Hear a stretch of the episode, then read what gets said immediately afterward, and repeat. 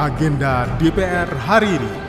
Di saat kita konsentrasi harus menyiapkan pemilu dan mengikuti pemilu agar fokus konsentrasi pemilu itu bisa berjalan dengan demokratis, profesional, transparan, akuntabel. Itu tapi kita dihadapkan dengan wacana yang dibuat oleh para penyelenggara. Kembali Anda ikuti agenda DPR hari ini. Selasa, 25 Juli 2023 bersama saya Doni Suprianto. Saat ini, anggota DPR RI sedang memasuki masa reses. Namun tetap ada beberapa kegiatan yang dilakukan di lingkungan sekretariat DPR RI.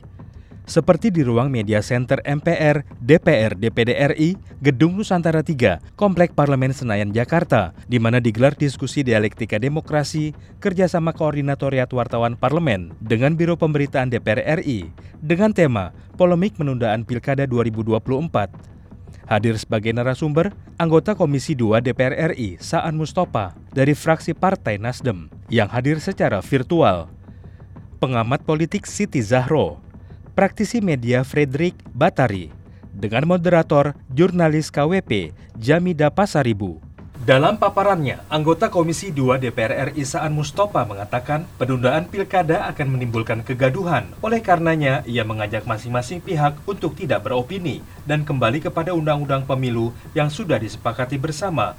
Nah kalau penyelenggaranya berwacana, itu pasti membuat suasana menjadi tidak pasti. Menimbulkan juga kegaduhan politik.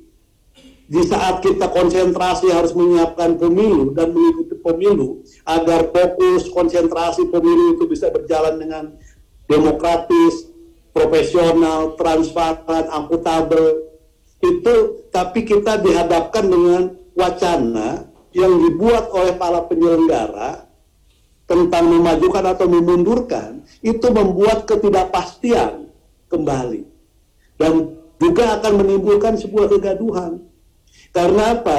Yang penyelenggara yang harusnya melaksanakan undang-undang, dia masuk ke ranah yang bukan menjadi kewenangannya.